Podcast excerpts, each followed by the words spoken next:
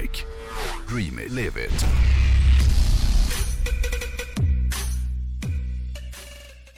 Vi skulle egentligen behöva ett extra intro idag för eh, nu blir det boktips här i dealen med hojen. Ninna, ninna, ninna,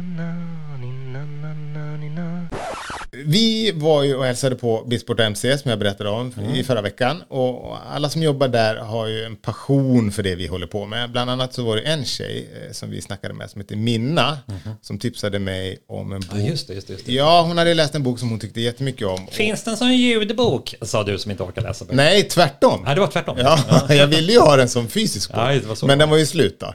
Ja, och boken heter hur som helst Skjorta rätt ut. Och den handlar om en person som mycket väl skulle, eller kanske borde ha varit eh, ett segment i, i Bisport MC Legender som jag kört tidigare. Var det skjortan rakt ut eller skjort? Skjorta rätt ut. För bo- boken handlar hur som helst om en av världens absolut främsta enduroförare, Anders Eriksson, eh, som ju faktiskt är sjufaldig världsmästare i enduro. Ett bevis på att TV4-pulsans hjärnor är inställda på paddel och inte motorsport är ju att det är jävligt konstigt att han inte är en av Sveriges mest kända idrottsmän, kan man tycka. För det är ju inte så att vi direkt är bortskämda med svenskar som kan stoltsera med sju VM-guld.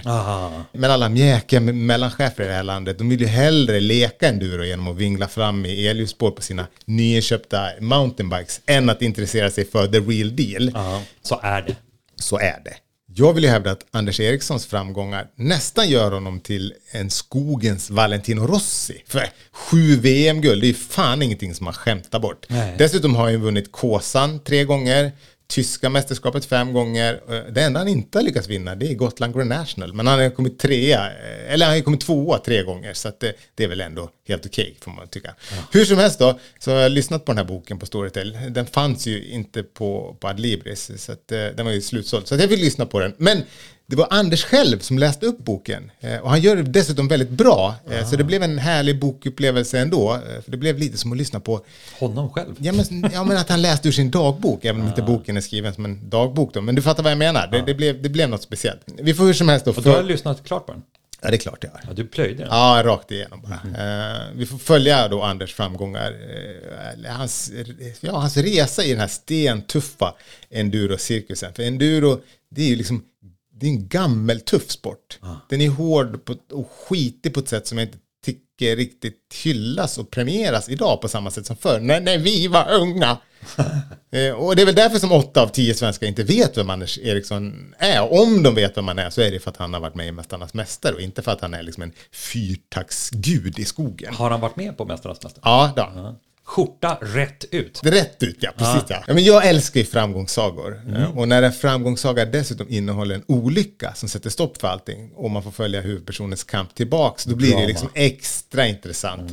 För på en träning då i Finland 2005 så körde Anders ihop med lagkamraten Mika Saarenkoski. Och han och Mika, de kommer från varsitt håll, full fart runt en kurva och liksom frontalkrockade med varandra. Eh, och den här olyckan kostade ju nästan Anders livet. Han var ju, blev väldigt, väldigt trasig. Så efter att han efter flera år hade haft framgångar så fick han nu plötsligt börja lite från början och försöka kämpa sig tillbaks då. Det är en otroligt bra bok som jag och Northbike varmt vill rekommendera alla. En annan bok eh, som påminner om den här, men som jag, ja, den kanske till och med är ännu bättre.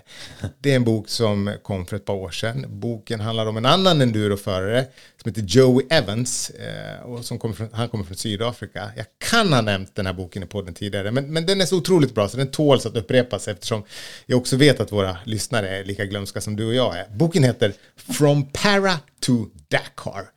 Eh, och där får vi följa Joeys kamp tillbaka efter att han, precis som Anders, är med om en svår olycka. Men Joeys olycka, den är ganska mycket värre för att han blev ju då förlamad från bröstkorgen och neråt. Och läkarna konstaterade att han aldrig skulle kunna gå igen. Men några nervtrådar hade liksom klarat sig. Och efter några månader så kunde han liksom vicka lite på ena stortån.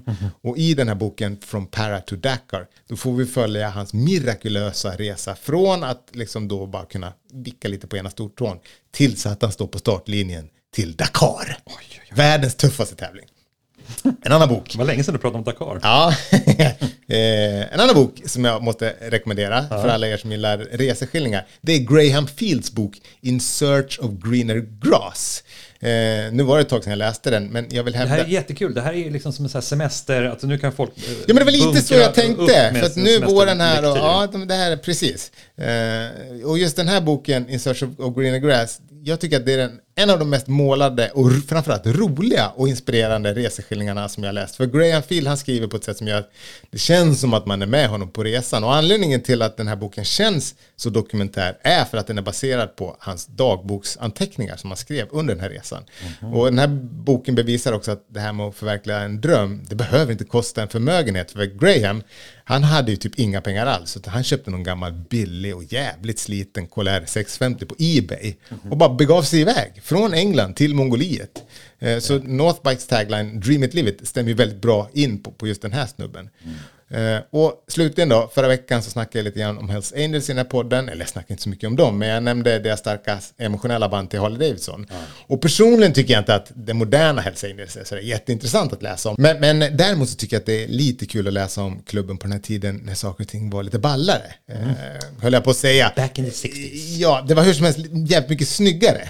Eh, och, och, och, och tidens gång har ju också en förmåga att fila av kanterna på alla dumheter som de här grabbarna har, har begått genom åren. Så därför blir det som sagt roligare att läsa om den här klubben på 60-talet. Och därför skulle jag vilja rekommendera en riktig klassiker. Och det är ju Hunter S. Thompsons bok Hells Angels, A Strange and Terrible Saga. Bra namn, eller hur? Saga. Ja, den här boken kom ut 67 och det var ju, Hunter S. Thompson levde ju ihop med den här klubben i ett år och sen så skrev han om eh, vad han var med om. Och, och slutligen vill jag halvrekommendera en bok. Eh, jag vet att jag kanske har pratat mig varm om den här boken tidigare, för det är en bra bok, men egentligen är det inte en speciellt bra hojbok, om det är det man är ute efter. Och jag är inte själv om att ha rekommenderat den här boken heller, utan det är en bok som många känner till. Jag snackar om den här Zen and the Art of Motorcycle Maintenance. Eh, Och det är ju en bok som egentligen handlar mer om livsåskådning än om hojåkning. Och även om hojåkning för många är en religion så, så ska man inte förvänta sig att den här boken är speciellt spännande ur ett liksom hojåkarperspektiv. Men det är fortfarande en väldigt, väldigt bra bok. Så att det, det var några bo- böcker som jag tänkte, precis som du sa, eh, ville tipsa om inför sommarens eh, hängmattedagar. Du, jag har en, en bokfråga till dig. Mm. Eh, den, den blir lite mer av det personliga planet. Mm. Eh, jag håller på att öppna upp här. och försöker bara hitta en Amazon-order som jag har lagt.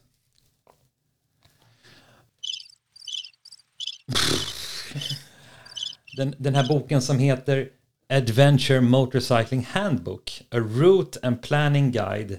Och, och så här, ja, det är, en, det är en, en tjock bok. Eh, Jag vet inte vad det är för någonting. Vad heter den sa du? Adventure Motorcycling Handbook. A, a Route and Planning Guide to Asia, Africa och Latin America. Ja, okej. Eh, åttonde edition. Och då skriver eh, Evan McGregor The first thing we did was to buy the Adventure Motorcycling Handbook. Alltså det var den första boken de läste. Den går igenom liksom allt från däckval till packning till hur man byter däck och, och, och route planning i Sydamerika. Bla bla. Ja, just det. Just. Ja, eh, har du den? Nej, det har jag inte. Nej, jag bara undrar, för jag har köpt den till dig. Wow. var Bara bara- sådär eller? Nej men det var bara en sån här impulshandling, den dök upp i något flöde, så bara tänkte jag att ja, den där köper jag. Och, och sen när jag hade köpt den så tänkte jag, den här har garanterat. Nej, det har jag faktiskt inte. kul. Jag hade till och med inte, inte ens hört talas om den. Men jag är ju ingen heller hardcore. Men jag kan ju bli när jag läst den här boken. Ja, Mm. jag tänkte. Spännande. Den har ingenting, det är ingen, det är ingen liksom födelsedags, det är ingenting sånt. Utan det, Nej, det hoppas det är jag. mer en sån här vardagsgåva. Nej, du, här får du fyller 50 på en bok för 200 spänn.